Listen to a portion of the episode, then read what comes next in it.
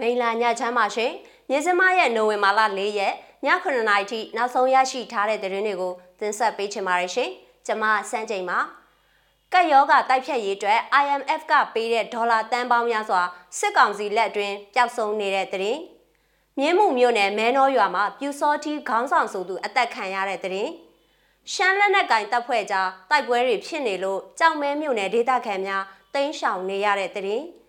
တရုတ်နဲ့တိုက်ပွဲတွေဖြစ်ပွားပြီးနောက်ပိုင်းဟိမဝင်တာနယ်ဆက်ကာကွယ်ရေးကိုအိန္ဒိယသုံးမြင့်တဲ့သတင်းအဆရှိတဲ့သတင်းတွေကိုတင်ဆက်ပေးပါတော့မယ်ရှင်ပထမဆုံးတင်ဆက်ပေးချင်တဲ့သတင်းကတော့မြန်မာနိုင်ငံမှာ COVID-19 တိုက်ဖြတ်ရေးအတွက်ကူညီနိုင်မှုနိုင်ငံတကာငွေကြေးရန်ပုံငွေအဖွဲ့ IMF ကဒေါ်လာတန်ပေါင်းများစွာကူညီခဲ့ပေမဲ့အဲ့ဒီငွေတွေဟာစစ်ကောင်စီလက်ထဲပျောက်ဆုံးနေတယ်လို့ဒီပလိုမတ်သတင်းတရက်ကရေးသားဖော်ပြထားပါတယ်။ ဖေဖော်ဝါရီလတရက်အာဏာမသိမ်းမီကိုရိုနာဗိုင်းရပ်စ်တိုက်ဖြတ်ရေးအတွက်ကူညီဖို့နေပြည်တော်ကအာဏာပိုင်တွေစီကိုဒေါ်လာ382တန်းလွှဲပြောင်းပေးခဲ့တာဖြစ်ပါတယ်။အဲ့လိုလွှဲပြောင်းပေးပြီး၈လကြာမှာအာဏာသိမ်းစစ်ကောင်စီဟာ COVID-19 ကိုတိုက်ဖြတ်ဖို့နဲ့ခုခံနိုင်စွမ်းအ ਨੇ ဆုံးပြည်သူတွေကိုထောက်ကူဖို့အတွက်ဒီငွေကြေးတွေကိုအမှန်တကယ်သုံးနေသလားဆိုတာကို IMF ဘက်ကတေချာအောင်လေ့လာစစ်စစ်ရန်မဖြစ်နိုင်ဘူးလို့ IMF ပြောရေးဆိုခွင့်ရှိသူ Gary Rice ကသတင်းစာရှင်းလင်းပွဲတစ်ခုမှာပြောကြားလိုက်ပါတယ်။ IMF ဟာ NLD အစိုးရလက်ထက်2020ဇွန်လတွင်မြန်မာအတွက် COVID ရန်ပုံငွေပထမအသုတ်ဖြစ်ဒေါ်လာ356တန်းကိုပေးပို့ခဲ့ပါတယ်။အဲ့ဒီချိန်တုန်းက NLD အစိုးရကမြန်မာငွေကျပ်တန်း100ကျော်ဒေါ်လာ9200တန်ဖိုးရှိတဲ့ဝယ်ယူမှုမှန်သမျှကိုစီမံကိန်း ဗန်နာရေးနဲ့စက်မှုဝန်ကြီးဌာန website မှာဖော်ပြခဲ့ပါတယ်။အခုစစ်ကောင်စီကတော့အဲ့လိုပွင့်လင်းမြင်သာမှုမရှိတဲ့အတွက်စီစစ်ဖို့ခက်ခဲနေတာလည်းဖြစ်ပါတယ်။စုစုပေါင်းဒေါ်လာ928တန်းကျော်ချင်းငွေနှစ်ခုလုံးကိုဝင်ငွေနဲ့နိုင်ငံတွေအတွက် IMF ရဲ့ program တွေအောက်မှာထောက်ပံ့ခဲ့တာဖြစ်ပြီးမြန်မာနိုင်ငံမှာကျန်းမာရေးစောင့်ရှောက်မှုငွေသုံးစွဲမှုတိုးမြင့်ရန်အခွန်သက်သာမှုအစီအမံများနဲ့ ခုခံနိုင်စွမ်းအားနည်းတဲ့အိမ်ထောင်စုများထံလွှဲပြောင်းပေးမှုများအတွက်အထူးရည်ရွယ်ကူညီတာလည်းဖြစ်ပါတယ်။အကူအညီပေးတဲ့ငွေကြေးရဲ့သုံးပုံတစ်ပုံဟာ Rapid Credit Facility ချင်းငွေအလင်းမြန်ချထားပေးရေးအစီအစဉ်နဲ့လာတာဖြစ်ပြီးအသုံးနှုန်း0နဲ့ကနဦးအသုံးမဲ့ကာလ9နှစ်ခွဲပြီးတဲ့နောက်မှာ10နှစ်ကျော်အတွင်းအပြည့်အဝပြန်လည်ပေးဆက်ရမှာဖြစ်ပါတယ်။ ကြံငွေတွေကိုတော့အရေးပေါ်ဆိုင်ရာချင်းငွေအစီအစဉ် Rapid Financing Instrument အောက်ကနေပံ့ပိုးပေးတာဖြစ်ပြီးကနဦး3နှစ်3လအသုံးမဲ့ခြေပေးတာပါအဲ့ဒီနောက်မှာတော့ IMF ရဲ့အခြေခံအသုံးနှုန်းပြင်ထပ်သုံးဝန်ဆောင်ခနဲ့9နှစ်တွင်ပြန်လည်ပေးဆက်ရမှာဖြစ်ပါတယ်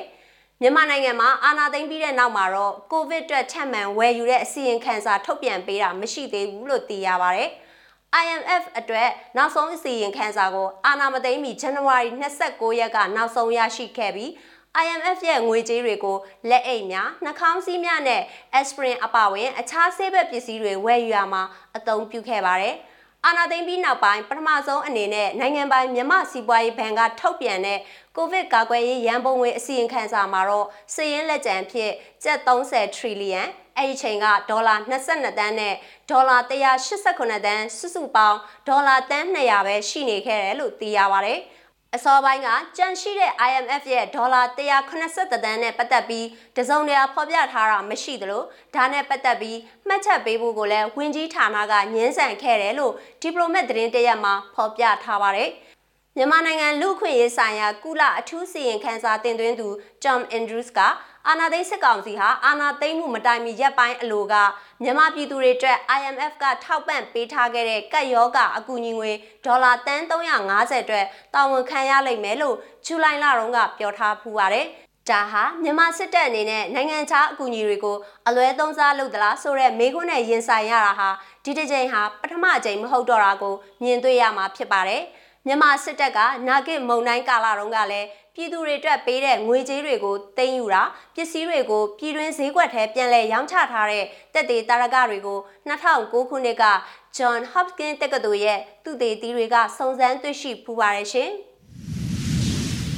မြင်းမှုမျိုးနယ်ကသတင်းနဲ့ဆက်ချင်ပါတယ်။ စကိုင်းတိုင်းဒေသကြီးမြင်းမှုမြို့နယ်မဲနောကြီးရွာမှာရှိတဲ့စစ်ကောင်စီကအုပ်ချုပ်ရေးမှူးပြူစောတီခေါင်းဆောင်လို့အမိထွက်နေသူဦးတင်ဝင်းစောဟာဒီကနေ့နိုဝင်ဘာလ၄ရက်မွန်းလွဲပိုင်းမှာအသက်ခံလိုက်ရကြောင်းဒေသခံတွေစီကသိရပါဗျ။စစ်ကောင်စီထောက်တိုင်ဖြစ်တာဝန်ထမ်းဆောင်နေပြီးပြူစောတိအဖွဲ့ဝင်တွေကိုလက်နက်တင်တန်းပေးနေတဲ့ဥတင်ဝင်းစော်ကိုသူတို့တက်ခဲ့တာလို့မြင်းမှုမျိုးနယ်တွင်လှုပ်ရှားနေတဲ့မြင်းမှုလျှက်စီးပျောက်ကြားဖွဲ့ကထုတ်ပြန်ထားပါတယ်။ ပြည်သူတွေရဲ့တိုင်ကြားချက်အရလှုပ်ဆောင်ခဲ့တာဖြစ်ကြောင်းနဲ့တေချာစွာစုံစမ်းစစ်စစ်ခဲ့ပြီးတော့တက်တွေလည်းခိုင်လုံတယ်လို့သူတို့အဖွဲ့ရဲ့ထုတ်ပြန်ချက်မှာရေးသားထားပါတယ်။အသက်50ဝန်းကျင်အရွယ်ရှိသူဦးတင်ဝင်းစော်ဟာမဲနောကြီးရွာမှာရှိတဲ့သူ့ရဲ့နေအိမ်မှာပဲလယ်ပင်မှာတနတ်ဒဏ်ရာတစ်ချက်ဓားဒဏ်ရာတစ်ချက်နဲ့အခင်းဖြစ်တဲ့နေရာမှာပွဲချင်းပြီးတေဆုံခဲ့ပါတယ်။ပွဲချင်းပြီးတည်သွားပါတယ်ပြူကောင်းဆောင်တွေတင်တန်းသားစုဆောင်ရေးထဲမြင်းမှုမှာဒလန်ကအများသားပါ ဒုက္ခရောက်တာတွေတော့အများကြီးပါပဲ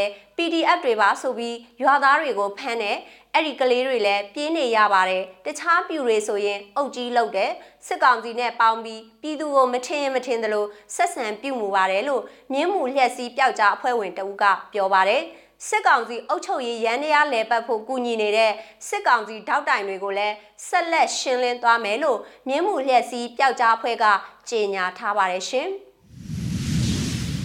နောက်ထပ်တင်ဆက်ပေးချင်တဲ့သတင်းကတော့ရှမ်းပြည်ပြန်လဲထူထောင်ရေးကောင်စီရှမ်းပြည်တပ်မတော် RCSS SSA တအောင်းအမျိုးသားလွတ်မြောက်ရေးတပ်မတော် TNLA နဲ့ရှမ်းပြည်တိုးတက်ရေးပါတီရှမ်းပြည်တပ်မတော် SSPP SSA တို့အကြားတိုက်ပွဲတွေပြင်းထန်လာလို့ရှမ်းပြည်မြောက်ပိုင်းကြောက်မဲမြို့နယ်မှာရှိတဲ့ဟူးစွန်ရွာနဲ့ပုံးလုံရွာကဒေသခံ200ကျော်ဟာမန်ခါမန်ကျောင်းစစ်ဆောင်စခန်းတွင်းမှာရှိတဲ့ဖုံးတော်ကြီးကျောင်းမှာဒီကနေ့နိုဝင်ဘာလ4ရက်နေ့လယ်ကတိမ်းရှောင်နေကြရပါတယ်။ ဒါ့အပြင်အင်ချေ300ကျော်ကနေလူဦးရေတထောင်ခန့်တိမ်းရှောင်လာဖို့ရှိနေပြီးလူမှုကူညီရေးအသင်းတွေကဒုတိယတုပ်အနေနဲ့တွားရောက်ခေါ်ဆောင်နေကြောင်းကနဦးသိရပါတယ်။ကြောက်မဲမြို့နယ်မှာ RCSS နဲ့ SSPP TNLA တပ်ပေါင်းစုတို့ကြားအခုနှစ်ဇွန်လဆန်းပိုင်းကစလို့တိုက်ပွဲတွေဖြစ်ပွားနေပါတယ်ရှင်။နိုင်ငံတကာဘက်မှာတော့ တရုတ်နဲ့တိုက်ပွဲတွေဖြစ်ပွားပြီးနောက်ပိုင်းဟိမဝေနာနယ်ဆက်ကာကွယ်ရေးကိုအိန္ဒိယသုံးမြင့်တဲ့အကြောင်းကိုလည်းကြည့်ရှုနားဆင်ကြရအောင်ပါရှင်။ important uh, uh, to be carried out even in peacetime so that the Indian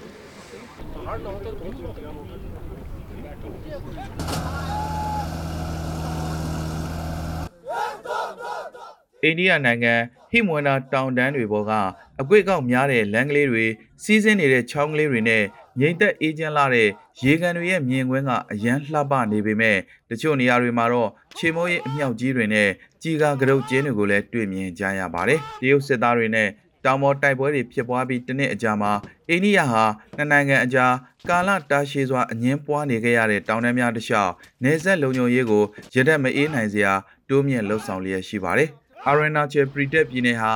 ဟိမဝန္တာရဲ့တခြားတစ်ဖက်ကိုတိဘက်နဲ့လွန်ဆွဲနေပြီး၎င်းရဲ့မြောက်ဘက်အိန္ဒိချင်းနဲ့အတူဗုဒ္ဓယဉ်ကျေးမှုဆိုင်ရာအမွေနှစ်ဒေသတစ်ခုကိုဘုံအဖြစ်မျှဝေထားပါတယ်။ဒလိုင်းလာမဟာ၎င်းရဲ့ဇာတိမြေမှာတရုတ်အိုဆိုးမှုကိုစန့်ကျင်တဲ့မအောင်မြင်သောလူထုအုံကြွမှုအပြီး1959ခုနှစ်မှာပြည်내အတွင်းကထွက်ပြေးခဲ့ပြီးအိန္ဒိယမှာနေထိုင်ခဲ့ပါတယ်။တောင်တိဘက်လိုရည်ညွှန်းခေါ်ဆိုတဲ့ Arunachal Pradesh ကို ပေကျင်းက၎င်းပိုင်ဆိုင်ကြောင်းအခိုင်အမာဆိုပြီးဗုဒ္ဓဘာသာခေါင်းဆောင်ထွက်ခွာသွားပြီး၃နှစ်အကြာမှာတူတောင်းပေမဲ့သွေးချောင်းစီးတဲ့စစ်ပွဲအတွင်းမှာနေမြေအများစုကိုသိမ်းပိုက်ခဲ့ပါတယ်။လာတက်မြို့ရဲ့အနောက်ဘက်ခြမ်းရှိ၎င်းတို့ရဲ့နေဆက်ဒေသတစ်လျှောက်မှာ2020ခုနှစ်နှစ်လယ်ပိုင်းလောက်ကတည်းက